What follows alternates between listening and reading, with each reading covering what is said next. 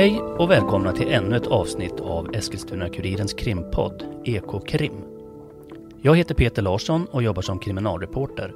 Och med mig idag har jag som vanligt min kollega Robin Folke. I den här veckans podd har vi även besök av Mattias Karlgren. Han är samhällsreporter på tidningen. Ämnet för dagen är bidragsfusk.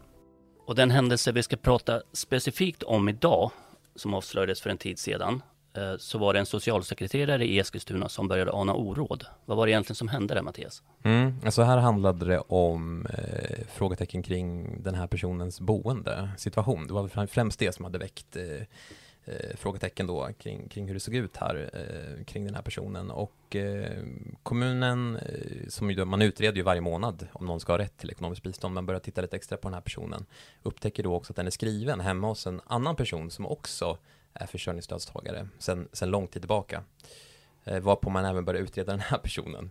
Eh, det delikata i det här fallet är ju att, att under den här utredningens gång då, man utreder de här två personerna parallellt så upptäcker man att det finns mer och mer samband mellan de här två personerna.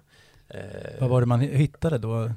Ja, alltså det, det, det, det finns ju det i den här polisanmälan då som kommunen har gjort, det är, en, det är ett väldigt omfattande 30, arbete. 30 sidor anmälan är det faktiskt. 30 sidor anmälan, det det är en ganska mastig bunt att gå igenom. Eh, men, men framförallt alltså det är alltifrån, vad har vi rubrikerna här? Då kan vi titta, alltså det är ju... Ja, det här blir alltså man, man, Nej men man pratar, men alltså det är olika lik, alltså likheter i, dels kan man säga i ansökningarna så har man sett likheter i hur de här personerna uttrycker sig. Man har ju också kunnat identifiera handstilar och tittat och jämfört och sett att det här ser ut som att det är en och samma person som har skrivit under de här två ansökningarna. Och det kom ju in eh, ganska sent i det hela. Ja, man, man visst, började jämföra det. Ja, visst gjorde det, men, men du har ju också så här utifrån deras beskrivningar av sin, häls hälsosituation. Eh, båda de här personerna har liksom gett en bild av sig att de har svår ångestproblematik, att de har olika typer av svårigheter som gör att de är socialt isolerade och har svårt att söka jobb och så vidare. Vad är det för typ av eh, försörjningsstöd man har, man har sökt? Alltså jag kan, bara, kan väl lägga in det här att vi pratar om det som lite slarvigt brukar kallas för socialbidrag av olika typer. Ja. Eller hur? Precis. Man kan säga att det handlar ju om, det handlar ju om dels, den stora delen handlar väl ofta om kostnader för, för eh, bostad. Mm. Ehm, det är också kostnader för, om, alltså omkostnader som du har i ditt leverne, som typ eh, kostnader för mat, el är också en sån stor post som man ofta får. När du inte kan försörja dig själv? När du inte kan försörja dig själv. Alltså det här handlar ju om liksom eh, samhällets yttersta liksom skyddsnät. Det är, de som ska ha rätt till ekonomiskt bistånd, det är ju egentligen, alltså alla som bor i en kommun har rätt att ansöka om ekonomiskt bistånd, ifall det verkligen skiter sig, får man ju säga. Det är ju personer som är eh, riktigt utsatta ofta. Eh, och många personer har ju olika typer av problematik också kopplat till att man har hamnat i den här situationen. Det kan vara allt ifrån missbruksproblematik till att man har olika typer av outredda eh, funktionshinder och så vidare som också kan göra att man har svårt att, att klara av vardagen och då hamnat så småningom i en situation där, där man inte har några pengar helt enkelt och inte kan sätta mat på bordet. Det är ju för de personerna som det här systemet finns till. Eh, och det är ju där man har sett att, eh, att det finns en lucka eller har gjort i alla fall, som har gjort att vissa personer som har varit duktiga på att utnyttja systemen har kunnat tillskansa sig pengar. Um, ja, alltså det, helt enkelt, den här killen då Eh, Eh, det finns, fanns en del som kom fram i utredningen som tydde på att han inte hade skitit sig riktigt lika mycket som han antydde att han hade gjort. Nej, och det är ju ett ganska långt stycke i den här polisanmälan som jag tycker är intressant att titta på. Och där är ju, man går ju igenom då datum för datum. Vi ska säga att den här utredaren eh, ska ha jobbat med det här i tre, fyra månader och sammanställa den här polisanmälan. Där det först då är uppradat då olika kontakter som personen har haft då med eh, socialtjänsten och beskrivit sin svåra situation. För att sen då har gått till att öppna Facebook-kontot och tittat på den här personens eh, profil och hur den uttrycker sig och vilken bild den ger av sig själv utåt. Så man har jämfört det som man har sagt till kommunen med hur man kommunicerar utåt med andra? Precis, och det är väl det som, det, det är väl en ganska tung post i den här polisanmälan. Kommunen vill visa på att det här är en person som inte har varit tillförlitlig i de uppgifter den har lämnat till kommunen. Um, och det, alltså det, kan ju, det, det, är ju ganska så, så smaskig läsning får man ju säga eh, om man tycker det är kul att läsa polisanmälningar. Men det, det, finns ju mycket detaljer kring de här olika bilderna då. Liksom det kan vara firar exklusivt delegatskap till fredskonferens i utlandet ska ha skett här. Um, den här personen ska ju då ha uppgett att den har en, en, någon form av diplomatroll och är liksom en framstående person eh, som, som då har rört sig i kretsar kring utrikesdepartementet, jag också träffar ministrar och liknande. Och, och samtidigt skriver han till, till eh, arbetsmarknadsförvaltningen att han eh, har svår ångestproblematik och inte kan sova utan tvn på. Ja, och typ svårt att gå utanför dörren. Alltså misstanken väcks väl här om att det är samma person eh, som, som kommunen har att göra med här, fast med två olika identiteter. Det kan man fundera på, hur har det gått till? ja, hur, precis. Hur, ja, det finns många frågetecken där helt enkelt. Ja, och där har vi ju, vi pratar ju i samband med att vi skrev den här artikeln, så pratar vi då med eh, Simon Brunner, som, han jobbar då som eh, teamledare på kommunens utredningsgrupp, ja den här FUT-gruppen då. Eh, och han, han, beskriver då hur han tror att det gått till att den här personen har kommit till Sverige och lyckats eh, tillskansa sig två stycken personnummer helt enkelt. Så att mm. få två personnummer registrerat hos eh, Skatteverket. Hade han några teorier hur, man, hur han hade lyckats med det? Det låter ju som en ganska stor bedrift. Ja, alltså det låter jag vara osagt. När han väl har lyckats med detta, att få två personnummer, då har han ju liksom på pappret, i, i mindre Sverige så är han två personer helt plötsligt. Mm. Han kan använda sig av de här två personnumren när han söker till exempel ekonomiskt bistånd. Det öppnar många dörrar. Det öppnar många dörrar. Du kan till exempel tänka sig att du ett tag kanske studerar. Då kan du till exempel lyfta CSN med det ena personnumret samtidigt som du fortsätter att lyfta eh, försörjningsstöd med det andra. Mm. Och så vidare. Smidigt. Ja, och det här ska alltså ha pågått i decennier, som det verkar. Eh, Okej, okay, vad är det som tyder på det? För att den här anmälan gäller ju bara från 2016, eller hur? Ja, precis. Nej, men man ser ju att eh, dels så ska ju den här ena personen ha varit aktuell hos ekonomiskt bistånd 2010, sägs det ju. Mm. Så att eh, man går väl inte hela vägen bakåt helt enkelt i sin polisanmälan, utan det är, man har väl satt någon slags startdatum för när man det kan ju vara preskriberat det som har hänt tidigare. Så kan det också vara. Men de här två individerna som han uppgav sig för, för att vara, så att säga, vem var han, vem tror man att han är på riktigt? Det, det, ska alltså röra sig om en man som är född 1973, eh, också bott i Eskilstuna under eh, en längre tid. Eh, vi vet väl inte så jättemycket om den här mannen, eh, mer än det som kanske presenteras via hans Facebook. Eh, där han då eh, verkar ha varit en ganska socialt aktiv person. Eh, vi vet också att han har startat en rad olika typer av kulturföreningar. Eh, och det kommer man också in på i den här eh, polisanmälan, att man tror att det har varit ett sätt att också undanhålla pengar genom de här kulturföreningarna, där man kan starta upp bankkonton. Och genom att då föra över pengar via bankkontona så ser inte ekonomiskt bistånd då de pengar man har att tillgå. Just det, och den här andra individen som han uppgav sig för att vara, vem, vem var det? Vem ska det ha varit? Den personen ska ju då också ha varit eh, den, den man som har varit inneboende hos den här mannen född 73 då. Så att, eh, men i princip så är han ju då egentligen inneboende hos sig själv då. Så han har hyresgäst åt sig själv, eller hyresvärd hos sig själv helt ja. enkelt. Ja, jätteroligt. Ja, det är väldigt konstigt. Det kan inte höra, höra till vanligheten. Eh, men eh, det som är, eh, om man ska gå vidare då, tänker jag att, att det som är intressant i den här polisanmälan, att man får ju följa den här historien då kring hur det här vecklar ut sig då, den här historien om att det kan vara två individer som är samma och då hur kommunen till sist beslutar sig för att man ska konfrontera den här personen. Hur ska man kunna reda ut att det här rör sig om samma person? Man kan ju också tycka att det är märkligt att, att det här har kunnat få, pågå under så många år utan att man någon gång har upptäckt eller han, han vände sig till olika handläggare, eller hur? Ja, så det verkar som att han har jobbat väldigt aktivt för att inte då avslöjas i, sina, i sin dubbel, eh, dubbelidentitet. Men till slut då så bestämmer sig i alla fall ekonomiskt bistånd för att kalla in den här mannen, eller båda männen då, till varsitt separat möte på eh, biståndskontoret. Eh, och den första mannen dyker upp. Han ska då också konfronteras då av den här utredaren från felaktiga utbetalningsteamet som sitter med i rummet och ställer obehagliga och jobbiga frågor. Okej, okay. Ehm, står det här utskrivet? Eller har du... Ja, men alltså det här är också för att i samband med att det här fallet polisanmäls så dyker också upp en JO-anmälan som den här mannen har skrivit då, där han menar att han har blivit illa behandlad i samband med att han har haft ett möte på kontoret med ekonomiskt bistånd. Eh, och eh, ja, då ska det framgå att han har ställt liksom ganska mycket rakt på frågor och då också ifrågasatt hans historia då. Um, när det sen är dags för nästa man att ha ett eh, personligt möte på, eh, på biståndskontoret så, så um, anar man ju att han har, han har fattat misstanke då om att det här är en fälla och han ska inte ha dykt upp på det här mötet och helt plötsligt slutat att ansöka om ekonomiskt bistånd efter så många år ska man säga då som han har sökt månatligen om pengar från Eskilstuna kommun. Mm. Eh, mannen flyttar också från stan eh, och skriver sig i en Stockholms nära kommun då istället. Den här andra? Den andra mannen, Identiteten ja. ja exakt. Det, det, det, det är lite så här, det, det, låter lite, lite konstigt på så sätt att kommunen inte har, det låter som att de inte har träffat de här personerna tidigare. Nej. Har man, har man inte kallat in dem till besök tidigare? Ja men det är det du var inne på det själv också, att han, om han har jobbat aktivt då med att få olika typer av handläggare och att ha hittat olika anledningar för att slippa träffa handläggare också, i, kanske utifrån sin ångestproblematik eller liknande situation som han har beskrivit då, så har han på något sätt lyckats eh, spela bort eh, kommunen här, verkar det som.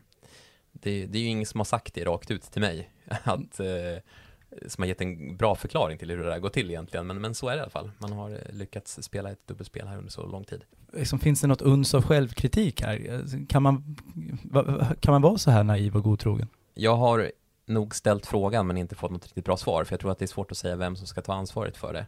Okay. Um, man kan ju tänka sig att man ändrar arbetssättet efter ja, det här som har hänt. Och det kan man väl säga att de har gjort också sista året och det är de är inne på själva också i det här felaktiga utbetalningsteamet att, att handläggarna eh, som först, vad jag förstått det som i alla fall, när, när man beskriver hur man har jobbat med det, med det här teamet och först har varit lite skeptiskt inställda till att, att bedriva den här typen av verksamhet där man ifrågasätter de som söker ekonomiskt bistånd, så har man allt mer liksom funnit ett arbetssätt där också handläggarna tidigare i, eh, i utredningen av de här fallen ta kontakt med FU-teamet för att liksom få ytterligare hjälp då kring fall där man tycker att det verkar finnas tveksamheter eller det som är oklart. Så. Om vi återvänder till den här äldre mannen som då inte dök upp på sitt möte, eh, som flyttade till eh, en Stockholms kommun. Mm. Eh, han valde att söka försörjningsstöd i den kommunen. Hur gick ja. det? Precis. Då hade ju redan eh, det här FU-teamet varit, eh, varit eh, föregått honom då och ringt upp den här kommunen och sagt att nu har den här mannen, han har den här bakgrunden hos oss, vi vill bara varna för att han kommer finnas i er kommun nu.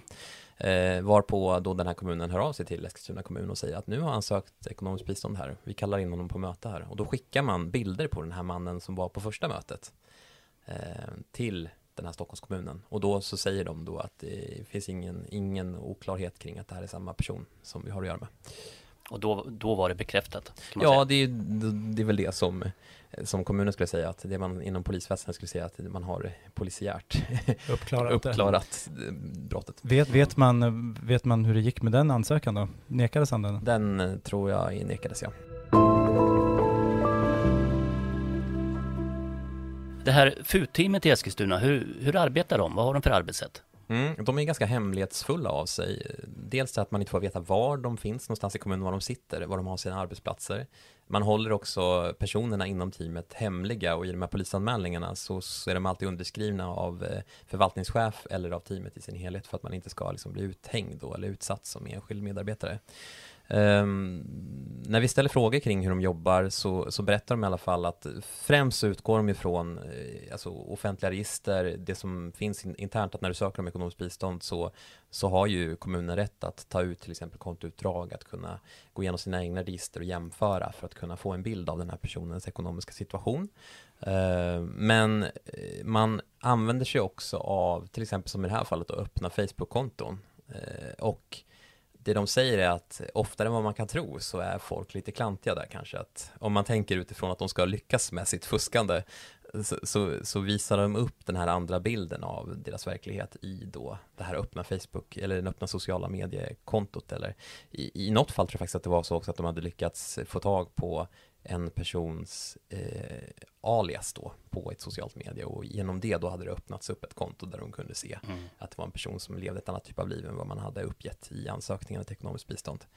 Eh, men i övrigt så är man ganska begränsad också i hur man kan jobba. Man beskriver också ärenden där man är helt säker på till exempel att det sker eh, fusk med hur personer är skrivna, till exempel att man skriver sig på adresser där man inte egentligen bor Eh, där man kan då följa det och, och liksom, ja, men ganska så säkerställa att det är på det här sättet att till exempel personer som egentligen bor hemma hos sina föräldrar är skrivna på andra adresser för att då kunna liksom, eh, ja, jobba med att få ut så mycket eh, eh, ekonomiskt bistånd som möjligt. Men, men där, där är man ju begränsad i och med att man inte är en polisiär myndighet. Så att det finns gränser för hur, hur långt man kan gå. Eh, man kan upptäcka brottslighet och anmäla det vidare till exempel till Skatteverket om det handlar om Eh, fusk med, eh, med folkbokföring eller om det också i många fall behöver man också ta hjälp av polisen som man sen så småningom gör också i de här polisanmälningarna för det är ju polisen som någonstans ska leda en förundersökning som sen ska eh, sluta i, i rättssal och där, mm. där det ska komma en, en dom så småningom. Och hur funkar det samarbetet hittills då mellan kommunen och polisen? Är det liksom, är det, det här prioriterade brott? Det knorras lite. Jaså? Um, man kan väl säga så här att uh, när det gäller de andra uh, myndigheterna som jobbar med, eh, med eh, välfärdspengar som till exempel Försäkringskassan så har man mycket bättre upparbetade samarbete med polisen. Polisens resurser är också som ni vet eh, begränsade. Så att när det handlar om ekonomisk brottslighet i kommunen så säger handläggarna till mig att det här är väl inte någonting som har varit så högprioriterat. Och i och med att man har de här begränsningarna i vad man får göra och inte göra, till exempel som att du får till exempel inte uppsöka en adress där man misstänker att det pågår ett, ett brott till exempel. Där man får liksom, de får vara lite så skrivbordsriddare, man får stanna på, på kontoret och, undersöka. Men du, och, och varför är det så? Är det, eh, Ja, det är ju den här begränsningen som, som, eh, som egentligen är rätt spännande. Det kom nyligen en dom, eller en dom, det kom ett beslut från JO, ska säga, där Norrköpings kommun blev allvarligt kritiserade för att man just hade gjort det här, att man hade sökt upp personer som man misstänkte fuskade med ekonomiskt bistånd och fotograferade utanför deras portar och in genom deras fönster och liknande. Som de överträdde sina, sina befogenheter? Ja, för det, då, det JO slår fast är att man ägnar sig åt då var spaningsarbete och det är egentligen en polisiär syssla. Det ska inte en kommun ägna sig åt. Eh, så där är man begränsad i vad man får göra. Till exempel så beskrev FU-teamet när jag träffade dem hur de eh, kunde misstänka till exempel att det var en person som hade två stycken parkeringsplatser där man misstänkte att den ena parkeringsplatsen kanske eh, hyrdes ut då. I andra hand? I andra hand ska vi säga. Ehm, det här hade man ju lätt kunnat undersöka genom att åka dit och titta vad det står för bilar mm. på parkeringsplatsen. Det här är inte något som FU-teamet kan göra. Det, det, är liksom de begränsade av i och med att de inte är en, en utredande myndighet på det sättet. En äh, polisiär myndighet. Finns det, finns det en frustration för det eller är man nöjda med, med att man ändå inte är poliser? Nej men det finns en stor frustration. Ehm, jag tror att det här FU-teamet, de känner nog dels att de har en bra medvind i att eh, politiken i stan stöttar dem. De har också fått liksom bättre Eh, ett bättre samarbete med övriga, övriga förvaltningen också i hur man jobbar med att utreda bidragsfusk. Eh, men, men man jobbar ju motvind, det gör man ju. Eh, och det här är ju samtidigt, så ska man säga, som att det här med eh, brottslighet inom välfärds, välfärdsbrottslighet, ska säga, eh, att det blir ett, mer och mer uppmärksammat också att kommunerna får bli ålagda att jobba mer brottsförebyggande också, aktivt. Så är man samtidigt begränsad i, där man ser att man skulle kunna göra saker som man inte kan, helt enkelt. Så det är klart att det finns en frustration där. Mm. Ser, ser det ut att kunna röra på sig politiskt, och säga att de får bättre befogenheter eller att de får bättre hjälp? Ja, utan att vara liksom, sitta i regeringen så absolut, så all, allting tyder väl på att den här typen av brottslighet kommer, man kommer få mer befogenheter och sen är frågan också när det kommer, det kommer ju en ny myndighet på plats här så småningom, det är väl nästa år tror jag, där det är, alltså som ska motverka mm, alltså, välfärdsbrott. Just det är väl frågan vilken roll kommunerna kommer ha i samverkan med den myndigheten. Men det är ett sånt där som liksom är på gång just nu. Just ehm, så jag tror att mycket inom det här området händer just nu. Mm. Och eh, lite det här som är i Norrköping nu med JO-beslutet där, att, att, kommunerna testar lite lagstiftning just nu och ser lite vad de har för befogenheter. Men allt fler upptäcker ju att det här är ett stort problem som man mm. måste ta itu med. Det är mycket av det här som är i ropet med välfärdsbrottslighet och så det finns ju också en bild, generell bild över, av att det, det är mycket fusk som inte upptäcks. Om vi då tittar på den typen av fusk som har upptäckts i Eskilstuna, skulle du säga att övriga fall som har polisanmälts eh, liksom liknar det här ganska spektakulära fallet med dubbla identiteter? Är det, eh, han representativ för de övriga fuskarna som har hittats? Alltså det, nej, precis. Det, det är ju intressant. Man kan säga både och. Det finns den här typen av mer systematiskt utnyttjande av system. Man pratar ju ofta om det här med skenskilsmässor, eh, skenskilsmässor och bilbulvaner och liknande.